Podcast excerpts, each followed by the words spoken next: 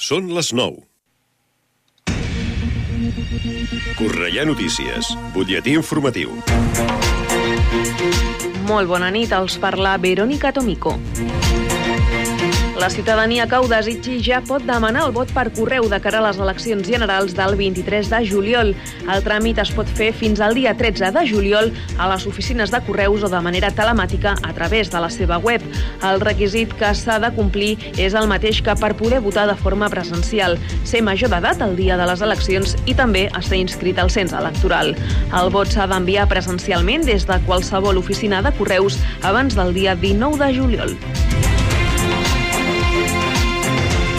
Els castellers de Cornellà presenten demà la Diada Castellera del Corpus. Serà al Patronat Cultural i Recreatiu a partir de les 8 del vespre. Estaran acompanyats per les colles convidades d'aquest any, els Minyons de Terrassa i els Moxiganguers d'Igualada. El repte dels camises liles en aquesta festa major és aconseguir fer dos castells de set simultanis, una fita per a la que necessiten el suport de la ciutadania cornellanenca per fer les pinyes. Aquesta diada serà el dia 11 de juny, com sempre, a la plaça de l'Església. El Corpus 2023 viurà els seus dies grans del 8 a l'11 de juny. No obstant, des d'aquest cap de setmana, la ciutadania cornellanenca ja pot gaudir de múltiples propostes que preparen l'Ajuntament de Cornellà i moltes entitats de la ciutat. És el cas, per exemple, de la cinquera fina alimanista de DAC, del Panis et Vinum i de la Marató de Rock de la Factoria Musical. I el Museu Palau Mercader acull l'exposició Redescobrint Camp Mercader fins al 16 de juliol. A més d'aquest cap de setmana, al mar de la mostra, es pot gaudir de l'activitat complementària passejada pel Jardí Romàntic. Serà diumenge al matí. Fins aquí aquest butlletí informatiu. Poden seguir informats de l'actualitat de la nostra ciutat al Cornellà Notícies de la una del migdia, als butlletins horaris i a l'app i la web de Ràdio Cornellà. També trobaran les darreres actualitzacions i notícies al radiocornellà.cat i a les xarxes socials de la ràdio, Twitter, Facebook i Instagram. Ara el temps. Connectem amb l'Agència Estatal de Meteorologia. Bona nit. Demà dijous continuaran les pluges. S'esperen ruixats i tempestes que seran més probables de la tarda a l'interior, on podran ser localment forts amb avís a Barcelona, a Lleida i també a Girona per possibilitat de calamarsa i acumulacions de 20 litres en una hora. El vent serà fluix en general, amb intervals de moderat a la meitat nord del litoral al matí i les temperatures baixaran sobretot a la meitat occidental amb 25 graus a Girona, 24 a Lleida i 23 a Barcelona i també a Tarragona. És una informació de l'Agència Estatal de Meteorologia. L'informació de Cornellà. Més a prop, impossible.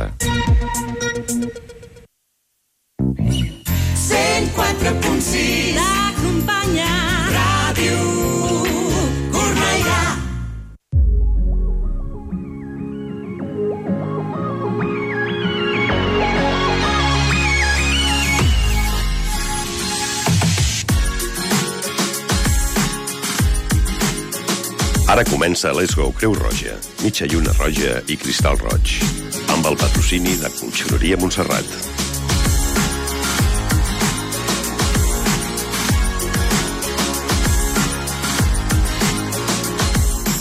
...21 hores 3 minuts, hem arribat al moment de l'hora de Creu Roja al dimecres 31 de desembre, de, ui, de desembre, sisplau, quin, quin, quina passada de mesos, no? De maig, 31 de maig de 2023. Avui parlarem de que Creu Roja atén a més de 158.000 persones d'extrema vulnerabilitat, del projecte Creix, o Crece, un proyecto experimental de Cruz Roja, de la jubilación anticipada para discapacitados de más de 45 años, nos introducirá en ella y nos explicará con cierto empeño Mayalén Prieto, como siempre.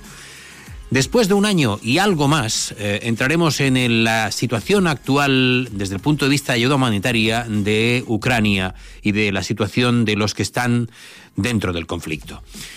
Entraremos en la parte lúdica con adivinanzas de Olga Giorgi, tecnología y salud con Guillermo Rodríguez Arcano, un rapero que además ha sacado una nueva app que ayuda a analizar y, y autoanalizar la situación y la salud mental de cada persona, pero por medio de, un autoanálisis. Y en el Hoy Viajamos, eh, nuestra compañera Mayalén Prieto nos llevará a un punto geográfico muy concreto, muy cercano, que tendremos que adivinar y que con ello nos llevaremos el premio de la hora de Cruz Roja. Finalmente, ya en la parte final del programa, de- del día de hoy, que como decía, damos el carpetazo al mes de mayo.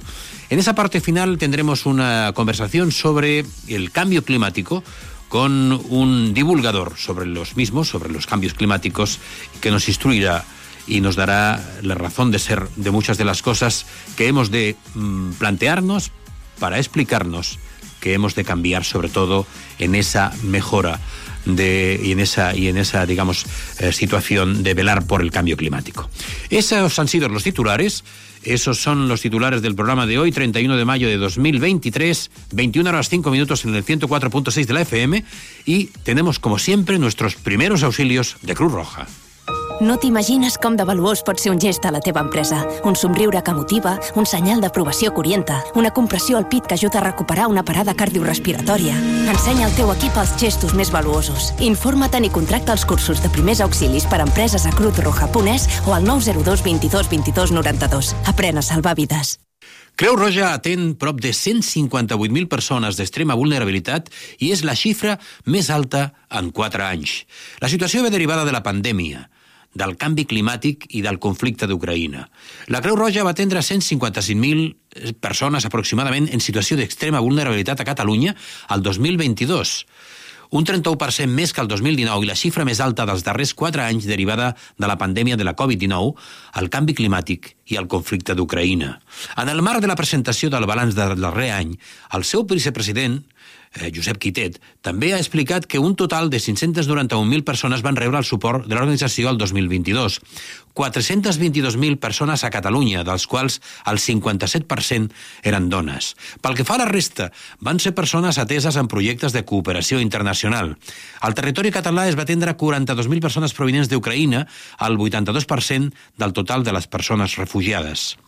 Durant els darrers anys, la entitat ha detectat un creixement de la pobresa estructural aguditzada a causa de diferents factors. Així, tal i com ha insistit el president, més de 150.000 persones van rebre suport per cobrir necessitats bàsiques d'alimentació, higiene, material escolar o ajuts per fer front als subministraments. Davant d'aquesta situació, l'organització ha posat en marxa el Pla Creu Roja Reacciona, una resposta directa, immediata i propera davant la crisi que vol respondre a les necessitats de la població en un context d'increment continuat dels preus dels béns i serveis bàsics. Només a Catalunya hi ha destinat més de 800.000 euros procedents de fons propis. I en aquesta línia, la Creu Roja ha implementat programes d'ocupació i d'inserció laboral a través dels quals s'han atès 7.070 persones, de les quals 2.050 han estat inserides en el mercat laboral el 80% d'ells dones. És a dir, 3 de cada 10 persones sense feina o en situació de precarietat laboral amb, amb, amb què s'ha treballat, han trobat una feina. I la resposta al conflicte d'Ucraïna, com eh, ens ha assegurat el president Josep Quitet el 2022, ha tornat a posar a prova la capacitat d'adaptació a la institució humanitària. Concretament, l'escalada del conflicte a Ucraïna ha provocat una arribada de persones refugiades sense precedents. Durant l'any passat, la Creu Roja va donar assistència a Catalunya a 42.000 persones arribades d'aquest país i es van assetjar 20 20.791 a 41 municipis en el marc d'un programa d'acollida i integració del Ministeri d'Inclusió, Migracions i Seguretat Social. Actualment, 2.000 persones encara continuen en els recursos de primera acollida i uns 400 han estat preparades ja per l'autonomia. Ansiedad, insomnio, depresión.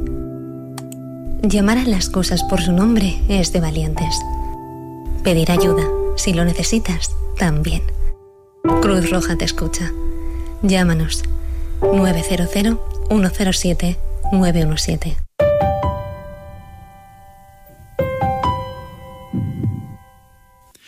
La constante búsqueda de proyectos y proyectos que se vayan adaptando a la realidad social es una de las cuestiones que se plantea Cruz Roja constantemente. Crece es un proyecto experimental de Cruz Roja que busca transformar el modelo de apoyo y cuidado de larga duración en las personas para prevenir y retrasar la institucionalización y potenciar asimismo la autonomía de las personas en situación de dificultad social, evitando así el sentimiento de soledad no deseada. Este proyecto supone un gran reto para la organización. Pretende validar e instalar un nuevo modelo de intervención y cuidados de larga duración que sea transferible a otras entidades y a las políticas públicas del sector. Se está desarrollando en 51 localidades de 15 provincias y se extenderá hasta diciembre de 2024 con el compromiso de intervenir con 2.730 personas participantes en diferentes situaciones de vulnerabilidad social. Personas mayores, mujeres víctimas de violencia de género, jóvenes que han pasado por un proceso de tutela o se encuentran en situación de dificultad social, personas sin hogar y personas con enfermedades mentales. Estas personas, que presentan el riesgo de no poder seguir viviendo en sus hogares y comunidad, al igual que ocurre con las que ya han sido institucionalizadas, tienen la posibilidad de permanecer en su entorno más cercano o retornar al mismo. Por ello, Cruz Roja suma fuerzas y colabora con entidades sociales, con la ciudadanía, con el comercio local, con asociaciones vecinales y con la administración pública para evitar que las personas que sufren soledad no deseada y ven mermada su empleabilidad, estado de salud o su autonomía puedan permanecer en su entorno el mayor tiempo posible y aporten su valía a la sociedad mediante el proyecto Crece. Crece sumará, complementará y ampliará las respuestas que desde Cruz Roja se dan a las diferentes necesidades detectadas en las personas que acuden a sus asambleas locales desde una perspectiva comunitaria, en colaboración con entidades y administraciones y promoviendo nuevas actividades que aborden la soledad no deseada, reduzcan el riesgo de institucionalización y apoyen la desinstitucionalización de estos grupos sociales. Asimismo, supone para Cruz Roja la oportunidad de diseñar y testar respuestas tecnológicas que ayuden a paliar situaciones de soledad no deseada, reforzando la intervención directa que se realiza con cada persona. Todo ello repercutirá en la población con la disminución del sentimiento de soledad no deseada, la mejora en la autonomía, la aplicación de capacidades y empoderamiento, la defensa de los derechos de las personas a permanecer en el entorno en el que viven el mayor tiempo posible y el aprovechamiento de la tecnología incorporada a las nuevas formas de cuidado. Además, en los jóvenes y las mujeres, permitirá ofrecer más alternativas para mejorar la empleabilidad y participar en actividades que les permitan ampliar su red social con personas con intereses similares y sentirse acompañados en su desarrollo personal, profesional y laboral. Crece está financiado por los fondos de Next Generation de la Unión Europea a través del Ministerio de Derechos Sociales y Agenda 2030. Y en el contexto europeo se está replanteando el sistema de cuidados existente y se buscan alternativas al modelo de institucionalización por su carácter asistencial y segregador, por la despersonalización que implica y por su rigidez en otros factores. Durante la pandemia todos hemos visto muy de cerca las consecuencias del sistema actual, especialmente en relación a las personas mayores, pero la institucionalización, o mejor dicho, el riesgo de institucionalización, es algo que también afecta a niños y jóvenes bajo el sistema de protección, a mujeres víctimas de violencia de género, a personas con problemas de salud mental o a personas sin hogar. En ocasiones, la institucionalización provoca sentimientos de desarraigo, tristeza y abandono o de pérdida del control sobre la propia vida. Y estos sentimientos, ya de por sí preocupantes, tienen consecuencias aún más graves en el caso de las personas socialmente aisladas, así como en aquellas que sufren una soledad no deseada. Cambiar el contexto o el modelo de cuidados implica repensar el modelo de sociedad en que vivimos. Significa entender que el bienestar individual y el bienestar colectivo están estrechamente vinculados y son interdependientes. Debemos dirigir nuestra mirada hacia la búsqueda de un nuevo modelo de cuidados y este solo puede construirse sobre un sistema fuerte de servicios públicos y apoyo comunitario centrado en las personas. Cruz Roja trabaja para favorecer los entornos inclusivos para que nadie se quede atrás. Un entorno inclusivo asegura la participación en igualdad de oportunidades para todas las personas y ayuda a reducir el riesgo de exclusión, favoreciendo la creación y el refuerzo de las redes de protección.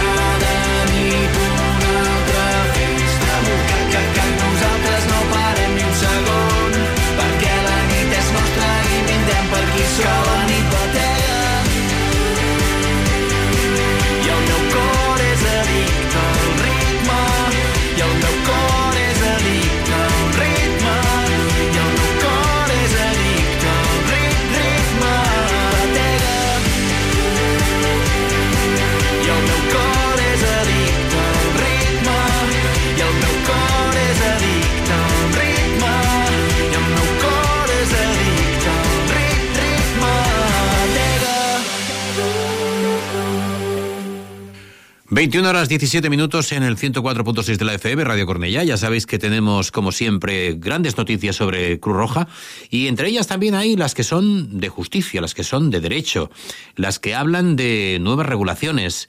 Y como siempre, acostumbra ser nuestra compañera Mayalén Prieto quien nos introduce en ellas y hoy va a hablarnos de la jubilación anticipada para discapacitados de más de 45 años. Adelante, Mayalén. Hoy os queremos informar sobre una nueva noticia legislativa. Se trata de la jubilación anticipada para trabajadores con discapacidad igual o superior al 45%. Aquellos trabajadores que tengan una discapacidad igual o superior al 45% y hayan cotizado cinco años con la discapacidad reconocida podrán optar a la jubilación anticipada a partir del 1 de junio del 2023. Lógicamente se deben de cumplir eh, toda una serie de requisitos. El Consejo de Ministros aprobó el 16 de mayo de 2023 un Real Decreto que mejora el acceso a la jubilación anticipada para las personas con una discapacidad superior al 45%. Para este colectivo se reducen los años de cotización exigidos de 15 a 5 desde el diagnóstico de la discapacidad. Otro aspecto a tener en cuenta es que las personas que tengan más de una patología discapacitante, es decir, más de una discapacidad acumulada, podrán optar a la jubilación anticipada si la suma de sus dolencias supera el 45% de discapacidad. Con esta medida parece ser que se duplicará el número de beneficiarios. Las personas que se podrán beneficiar de esta medida serán los trabajadores por cuenta ajena y por cuenta propia, es decir, los autónomos, incluidos en cualquiera de los regímenes que integran el sistema de la seguridad social y que acrediten estar en alta o en situación asimilada a la de alta que a lo largo de su vida laboral han trabajado un tiempo efectivo equivalente al menos al periodo mínimo de cotización que se exige para poder acceder a la pensión de jubilación, estando afectados por alguna de las patologías generadoras de discapacidad y, dentro de ese periodo, durante al menos cinco años, con un grado de discapacidad igual o superior al 45%. ¿Cómo acreditar la discapacidad? Pues eh, mediante certificados, mediante un informe médico que indique la fecha en que se ha iniciado o se ha manifestado la patología, ya sea esta la fecha de nacimiento o una posterior. La acreditación de que la discapacidad ha sido igual o superior al 45% durante al menos cinco años tiene que efectuarse mediante un certificado del Instituto de Mayores y Servicios Sociales o del órgano correspondiente de cada comunidad autónoma. Debe indicar la fecha en la que se ha iniciado o manifestado la discapacidad. ¿Cómo valorar el grado de discapacidad del 45%?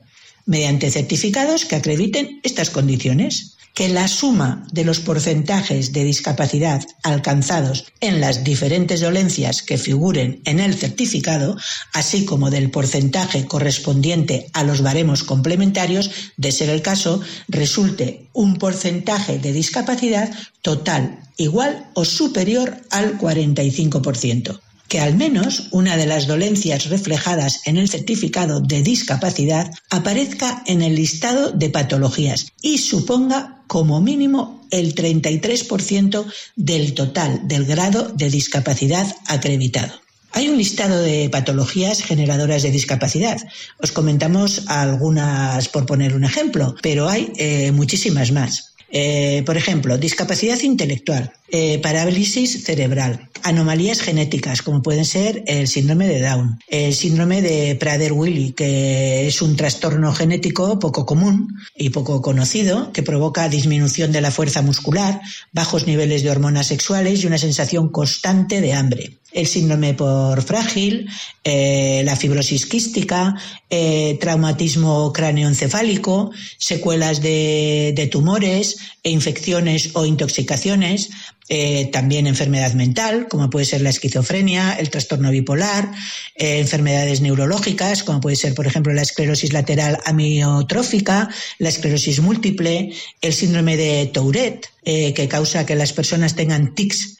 Los tics, gestos, ruidos, son espasmos que las personas no pueden controlar voluntariamente y hay muchísimos más en el listado. Hay que tener en cuenta que se puede actualizar el listado de patologías que determinan la reducción de la edad de jubilación y para ello se pone en marcha un nuevo procedimiento que es más ágil y sencillo, de forma que se podrá modificar de manera periódica mediante orden ministerial del Ministerio de Inclusión, Seguridad Social y Migraciones. La orden será eh, sometida a consulta previa del Consejo Nacional de Discapacidad antes del 1 de diciembre de 2023.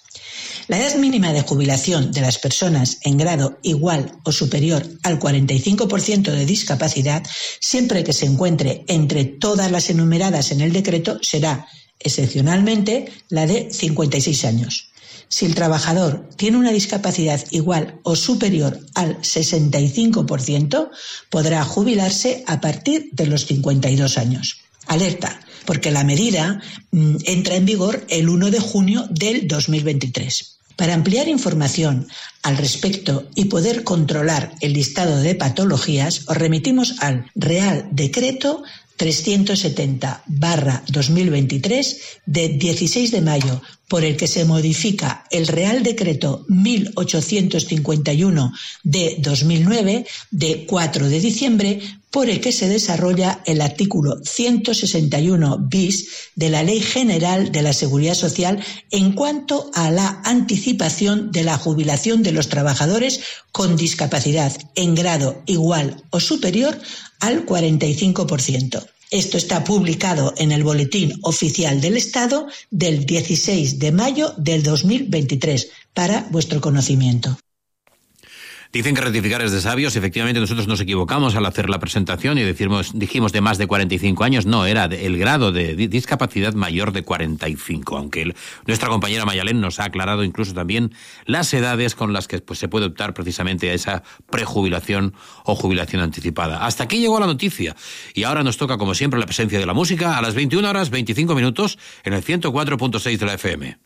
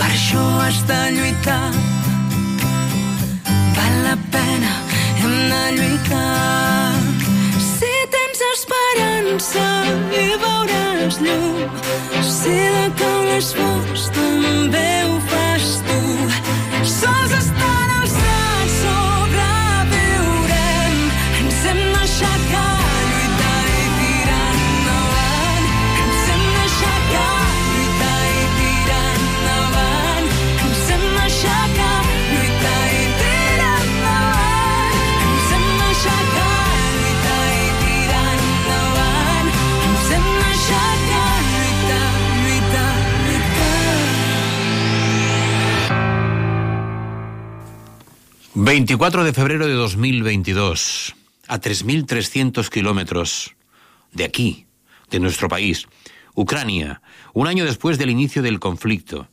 En aquel entonces, más de 7 millones de ucranianos acogidos como refugiados fuera de las fronteras de Ucrania tras la invasión soviética. El 17,7, más bien de soviética, de la URSS, me quería refer- referirme, de Rusia, vamos. 17,7 millones de personas requieren ayuda humanitaria por estar en la zona de conflicto. 125.000 personas voluntarias en un primer momento en su despliegue inicial de la Cruz Roja y la Media Luna Roja. En nuestro país, un primer envío de 12 toneladas de artículos de primera necesidad desde Cataluña. 36 delegados y delegadas desplazados desarrollando más de 46 proyectos de ayuda humanitaria. 14.186 pers- menores venidos desde allí que tuvieron que ser escolarizados. 7.494 personas auxiliadas para acceder a un empleo y reconstruir su vida a 3.300 kilómetros de su país. Más de 125.000 personas ucranianas atendidas en España por 9.400 personas voluntarias. Así nos lo explica el audio.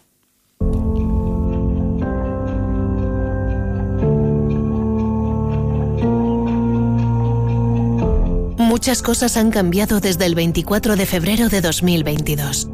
Un año después, el conflicto entre Ucrania y Rusia deja un panorama dramático. Millones de personas desplazadas, familias enteras rotas, ciudades e infraestructuras arrasadas y sobre todo miles de víctimas que han resultado heridas o han perdido la vida. Desde el primer momento, la Federación Internacional de Sociedades de la Cruz Roja y de la Media Luna Roja, el Comité Internacional de la Cruz Roja y 59 sociedades nacionales hemos trabajado conjuntamente para brindar asistencia básica a más de 14 millones y medio de personas en 40 países. Una respuesta humanitaria que ha movilizado a casi 125.000 personas voluntarias. En el mes de diciembre de 2020, Cruz Roja Española comenzó a hacer seguimiento de la tensión que se estaba acumulando en Ucrania y cuáles podían ser los posibles escenarios. Y a finales del mes de enero desarrollamos un plan de contingencia en función de esos escenarios para prepararnos ante lo que luego desafortunadamente fue la escalada del, del conflicto Desde el inicio apoyamos a la Cruz Roja Ucraniana y a las Cruces Rojas y Medias Lunas Rojas de otros países cercanos con un primer envío de ayuda humanitaria, fondos de emergencia y personas delegadas desplegadas en el terreno.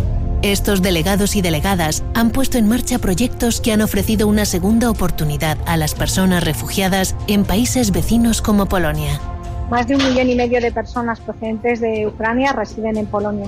La Cruz Roja Polaca, con el apoyo de Cruz Roja Española, está implementando un proyecto de mejora de la empleabilidad que pretende acompañar a estas personas, en su mayoría mujeres, en la creación de redes que ayuden a motivarnos en la búsqueda activa de empleo, donde encontremos en la formación una oportunidad para abrir otras puertas que nos acerquen a, conseguir un empleo aquí y, por supuesto, que mejoren las condiciones de vida de las personas que se acercan a Cruz Roja una vez que ya tienen sus necesidades básicas cubiertas. En cuanto llegaron las primeras personas procedentes de Ucrania a nuestro país, activamos dispositivos especiales de acogida en los principales aeropuertos y estaciones de tren para proporcionar una primera asistencia. Muchas de ellas llegaban exhaustas después de un duro y largo viaje. La mayoría eran mujeres, niños, niñas y adolescentes y personas mayores que habían dejado a seres queridos en su país. Cubrir sus necesidades básicas, resolver sus dudas y tratar de reducir su incertidumbre fue fundamental durante ese primer contacto con un país para ellas extraño. Gracias al papel de los equipos de sensibilización e información ante emergencias impulsados por Cruz Roja Juventud, que habilitaron zonas de juego y actividades de ocio para los más pequeños, y gracias también a las personas voluntarias ucranianas que ejercieron de traductoras, su acogida fue un poco más cálida. A día de hoy, seguimos colaborando en la gestión de los centros de acogida y derivación de Barcelona y Alicante, puestos en marcha por el Ministerio de Inclusión. Esta primera fase de acogida fue centralizada a través de una célula de crisis formada por más de 30 personas de diferentes perfiles y creada para coordinar toda la operación. La segunda fase del operativo comenzó el 1 de septiembre de 2022, una fase enfocada a que las personas ucranianas sean autónomas. Nuestro objetivo con las personas ucranianas es que se puedan integrar lo antes posible en la sociedad de acogida y para eso les apoyamos a la hora de aprender el idioma, buscar una vivienda, el que puedan conseguir un trabajo lo antes posible y todo el trabajo que realizamos también para la escolarización de los menores resultan clave y es donde estamos centrando nuestra máxima atención. La humanidad y el resto de principios inalterables de Cruz Roja nos mueven en nuestra labor para que las personas que han huido del conflicto puedan rehacer sus vidas y volver a sentir que han encontrado de nuevo un hogar. 365 días después del inicio del conflicto, el 24 de febrero de 2022, la ayuda humanitaria sigue siendo necesaria, a la espera de que pronto se restaure la paz.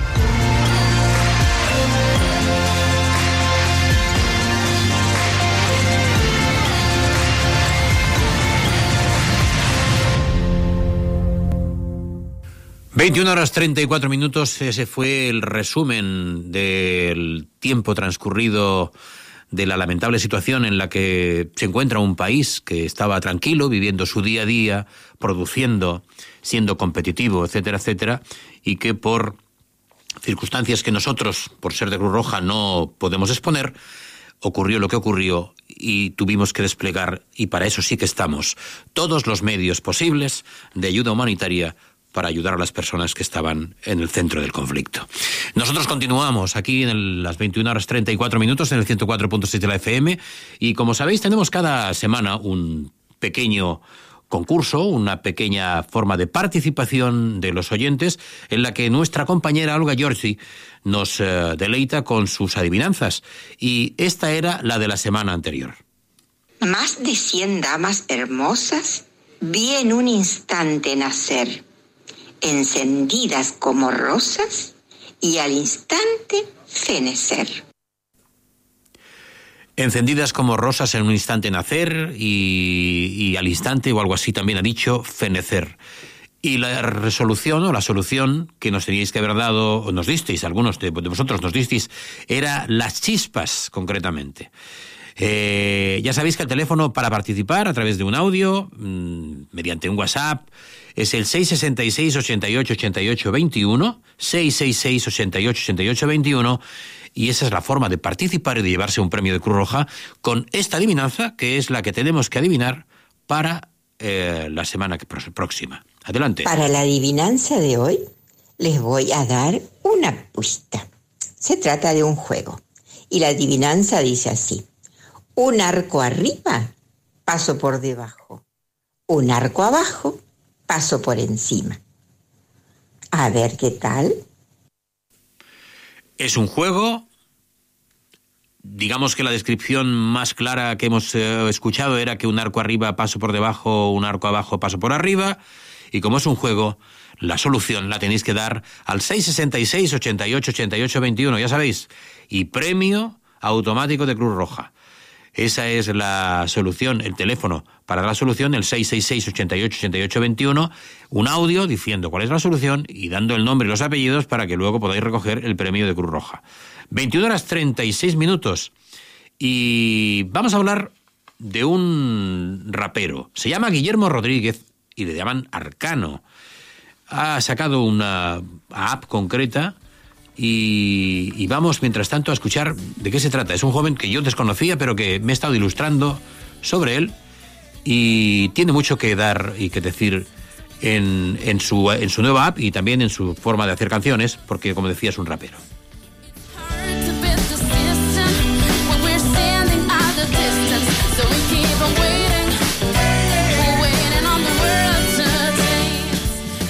Es un rapero leyenda del freestyle, del freestyle, a casa nostra i referent de tota una generació de joves. Mai no li ha importat rimar sobre vivències íntimes i episodis personals foscos. Per a Guillermo Rodríguez, més conegut com Arcano, la vinculació amb causes socials és fonamental en la seva vida.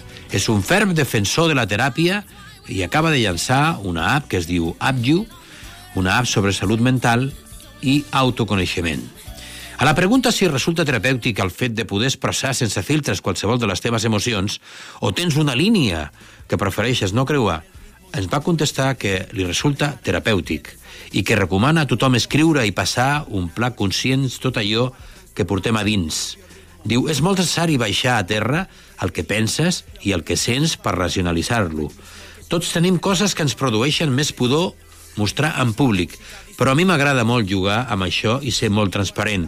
Ho passo bé, creant amb la veritat i de, i de vegades explico coses que potser són més dures, però és on crec que hi ha una conversa veritablement interessant amb l'oient. Si ens quedem amb la superfície, difícilment ens dona aquesta connexió entre creador i oient. Cal posar aquesta part de debò. Per a molt i moltes noies li vam comentar, a més a més, que és un autèntic referent. I li vam preguntar si sent, d'alguna manera, el pes de la responsabilitat en el missatge que vol transmetre. Sens dubte, jo no ho puc controlar, com cadascú ens pren els meus missatges. Llavors, cal anar amb compte amb les coses que diràs perquè hi ha gent que veu molt clar que de vegades tenen un to irònic, però n'hi ha d'altres que capgiren i malinterpreten els missatges, sempre tenint clar que per mi no és una obligació que els artistes tinguin una implicació social, però en el meu cas sí que decideixo tenir en compte aquesta responsabilitat. Li vam preguntar que acabava de llançar una app que es diu AppYou, una app de registre d'experiències emocionals, i concretament li vam dir que era un gran defensor de la salut mental. I què significava aquell projecte? I ell ens contestava que era un diari de registres d'experiències per intentar ser més conscients sobre en quines circumstàncies de la nostra vida es donen determinats contextos emocionals. Una de les primeres coses que es fa quan vas a teràpia és intentar ser conscient de que t'està passant pel cap, de que sents a cada moment. Nosaltres hem volgut treure aquest autoregistre en forma d'app perquè sents a cada moment i puguis enregistrar els teus moments, ja sigui en fotos, text, àudio o vídeo, i que els tinguis associats a determinades àrees de la teva vida. A més, els pots ponderar en funció dels que siguin més importants. És una eina que pot ser molt útil a tota la gent que pugui estar interessada en l'autoconeixement. La resposta que hem rebut a aquesta ha estat molt positiva i ara mateix està en fase inicial perquè continuem desenvolupant-la i desenvolupant les seves funcionalitats. Vaig pujar un vídeo de llançament presentant l'aplicació en les meves xarxes socials i en poques hores va tenir més de 180.000 visites.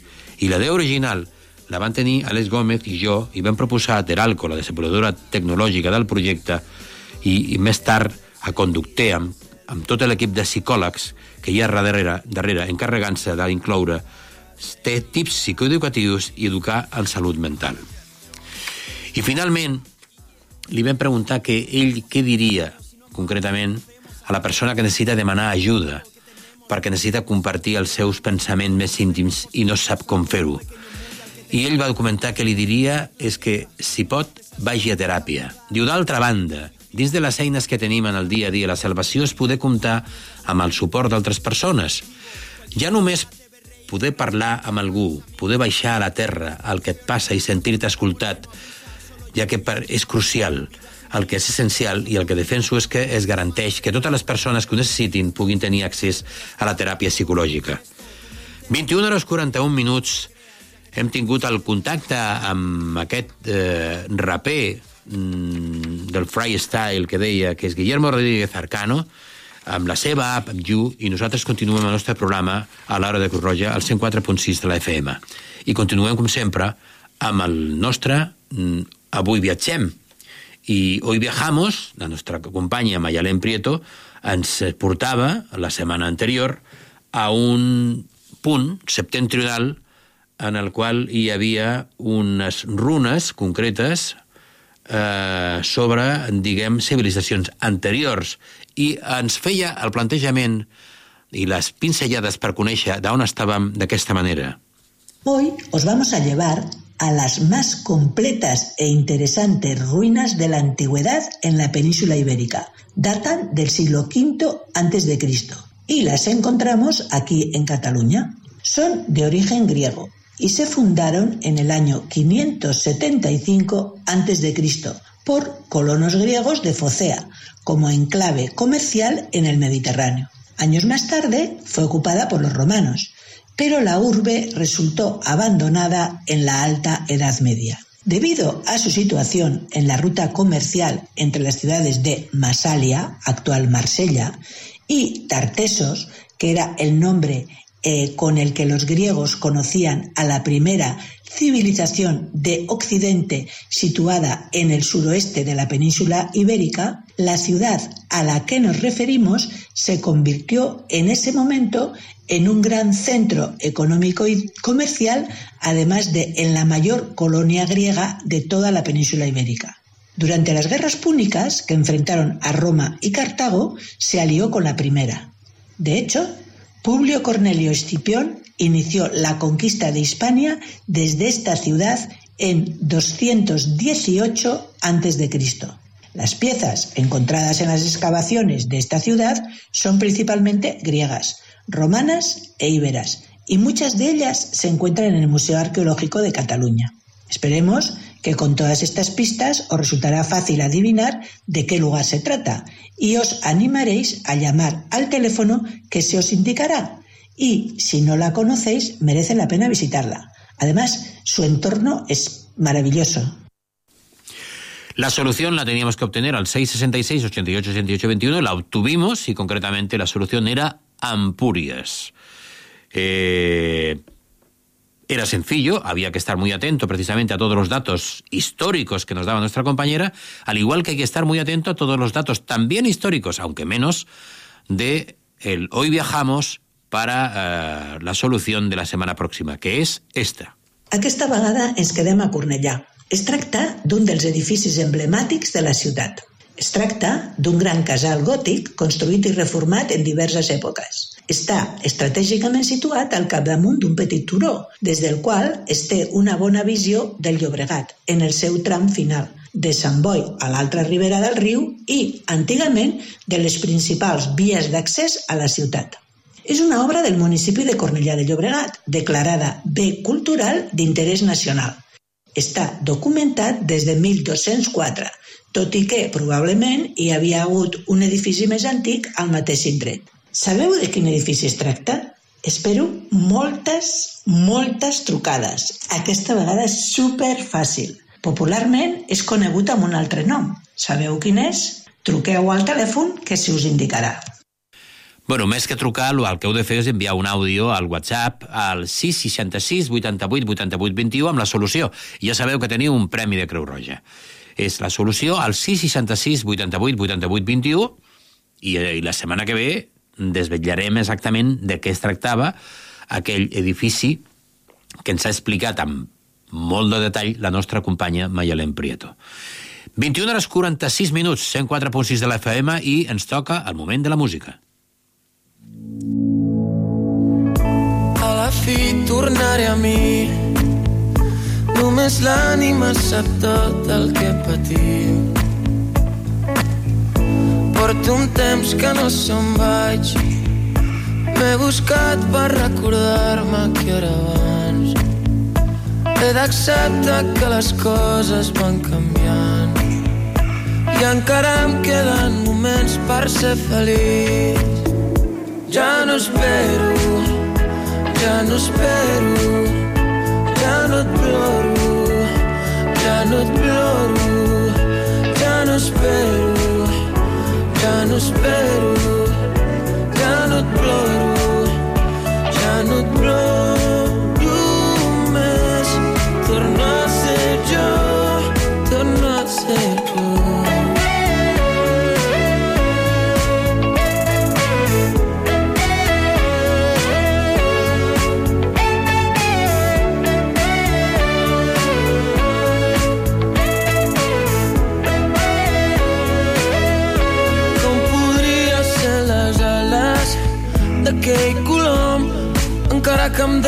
despisqueix. No puc ser el que no sóc, tampoc puc ser la calor d'aquell vell mes d'agost. No havíem sortit del niu, no coneixem les pors. Que sóc la vida posa, l'eterna joventut. I em sap molt greu, però avui ja no ho puc fer millor. Només puc ser com sóc i anar aprenent de tot, i anar aprenent de tot.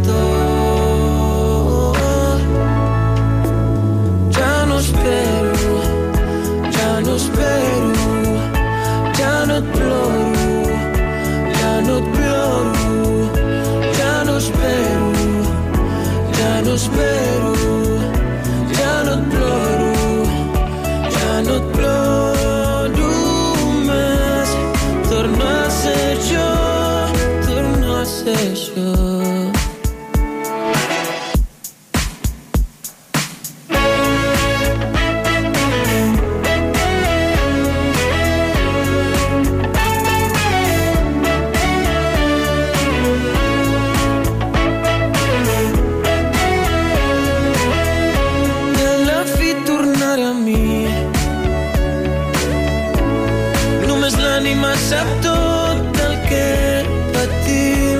Hem plorat fins als vessals. Ara ens diuen les veritats. Quan tanquis els ulls en el teu respirar sincer, no podràs ser qui no ets. No podràs ser qui no ets i quan tanquis els ulls en el teu respirar sincer no podràs ser qui no ets no podràs ser qui no ets i quan tanquis els ulls en el teu respirar sincer no podràs ser qui no ets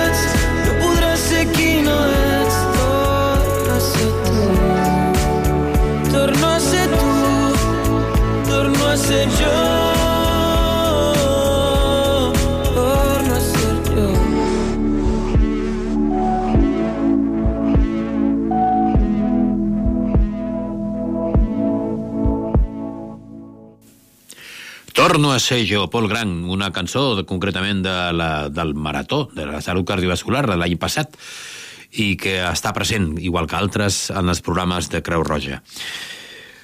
Tuvimos conversaciones, siempre hablamos en el programa de Cruz Roja concretamente del medio ambiente. Es algo que preocupa, es uno de los programas eh, o proyectos principales de Cruz Roja, el reducir al máximo la huella de carbono, el mentalizar a las personas y a la gente y sobre todo a los voluntarios de que hay, tenemos que mirar por el medio ambiente.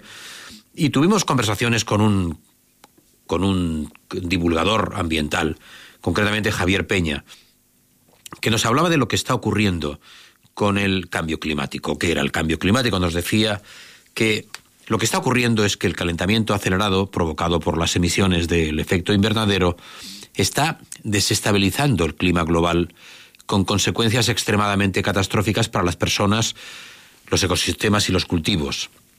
Según datos de la Organización Meteorológica Mundial, se han multiplicado por cinco las catástrofes climáticas o los eventos climatológicos extremos respecto a hace 50 años, con consecuencias dramáticas para la vida de las personas. La cantidad de personas que se están convirtiendo en refugiados por catástrofes climáticas, sequías, inundaciones, fracaso de cosechas, está creciendo exponencialmente hasta superar ya los 30 millones de personas al año. De hecho, esto se considera ya la primera fuente de desplazamiento de personas muy por encima de la violencia o los conflictos. Por otro lado, estamos viendo cómo la biodiversidad global de la que dependemos está en declive. Hemos perdido el 68% de las poblaciones de vertebrados en los últimos 60 años y cada vez estamos sometiendo a la naturaleza y a los cultivos a condiciones más extremas. Lo estamos viendo en España. Hace poco que perdimos la mitad de la cosecha de aceite de oliva y alrededor de un 30% de la cosecha de cereal por la sequía y las temperaturas extremas. Se han registrado 4.700 muertes este verano pasado, quería decir, relacionadas con el calor extremo. El Mediterráneo, a 30 grados. ¿Quién lo iba a decir? Esta, es- esta o, estamos explotándonos en la cara una realidad, o nos está explotando en la cara, quería decir, una realidad que sin embargo no es la nueva normalidad, porque esto va a ir a peor. Los escenarios de reducción de emisiones a los que se están comprometiendo los gobiernos son todavía insuficientes para mantenernos por debajo del objetivo de contener el calentamiento en 1,5 grados y evitar las peores consecuencias. Estamos asomándonos a un precipicio, tenemos ya un pie fuera y seguimos sin darnos cuenta. Es cierto que a la hora de comunicar todo lo que está pasando, no se sabe hasta qué punto es importante no caer en el catastrofismo.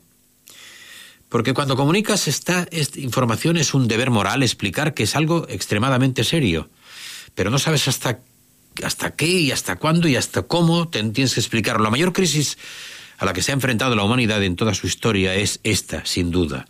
Pero a la vez, lo que dicen todos los informes de las autoridades científicas es que estamos a tiempo de que podemos resolver esto y mejorar la vida de toda la población. Intentamos poner el foco en las transformaciones que necesitamos hacer, porque necesitamos cambiar y actualizar la forma en la que producimos y nos comportamos. Existen nuevas prácticas más avanzadas y eficientes que tienen ventajas más allá de reducir las emisiones y la contaminación. Por cierto, respirar aire contaminado por combustibles fósiles ya mata a 7 millones de personas al año. Ventajas para las personas, los agricultores, los productores, para toda la industria.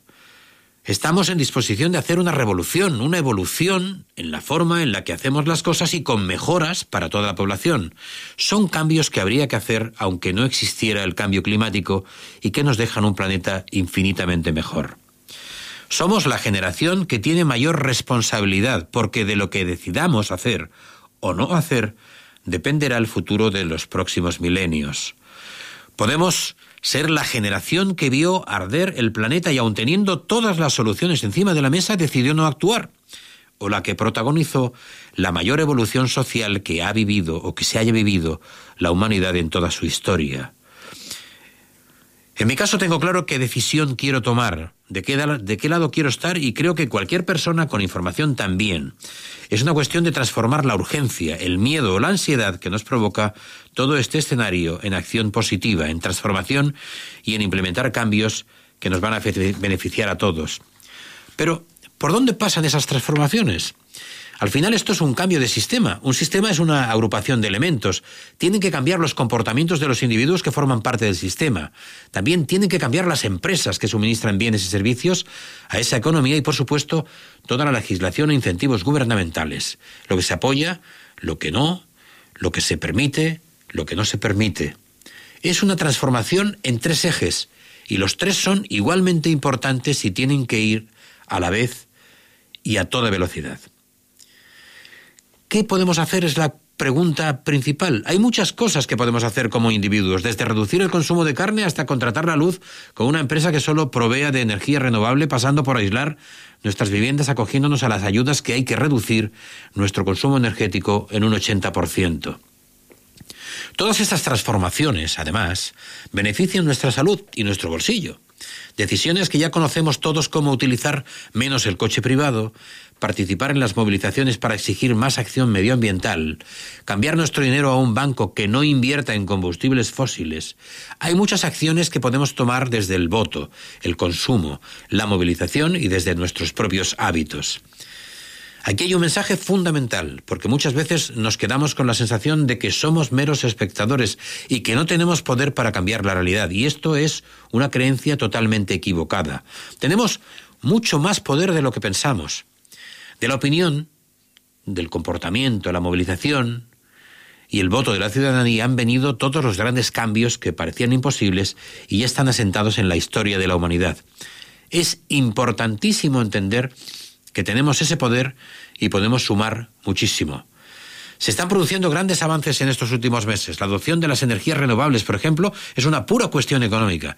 Son más baratas que las otras y nos hacen más independientes enérgicamente. Esto está produciendo una aceleración muy grande en todo el mundo. También en cuanto a la restauración de sistemas y a la protección de biodiversidad se están dando pasos a gigantes. La transformación de la agricultura, por otro lado, es el mayor impacto que tenemos sobre la tierra y el 50% de la tierra está dedicado a producir comida. Lo que hagamos o no en los campos de cultivo tiene que ver cómo producimos la comida, que a su vez genera cambios fundamentales, grandes avances que están dando grandes saltos, pero aún así hay que correr muchísimo más y hay que aumentar la dimensión.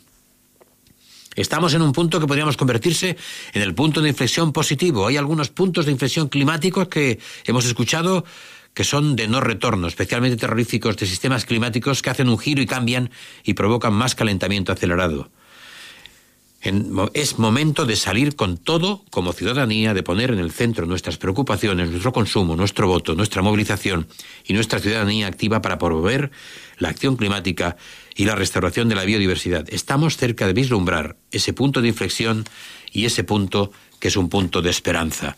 Hasta aquí llegamos en el programa de hoy, hasta aquí llegamos también nuestras reflexiones sobre eh, el medio ambiente con un divulgador concretamente del cambio climático, que es Javier Pérez, o Javier, Javier Peña, quería decir.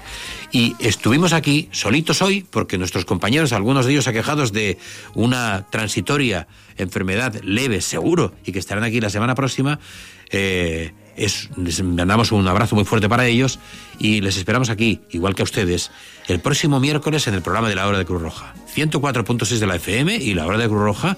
Un fuerte abrazo de Joan García. Hasta la semana próxima.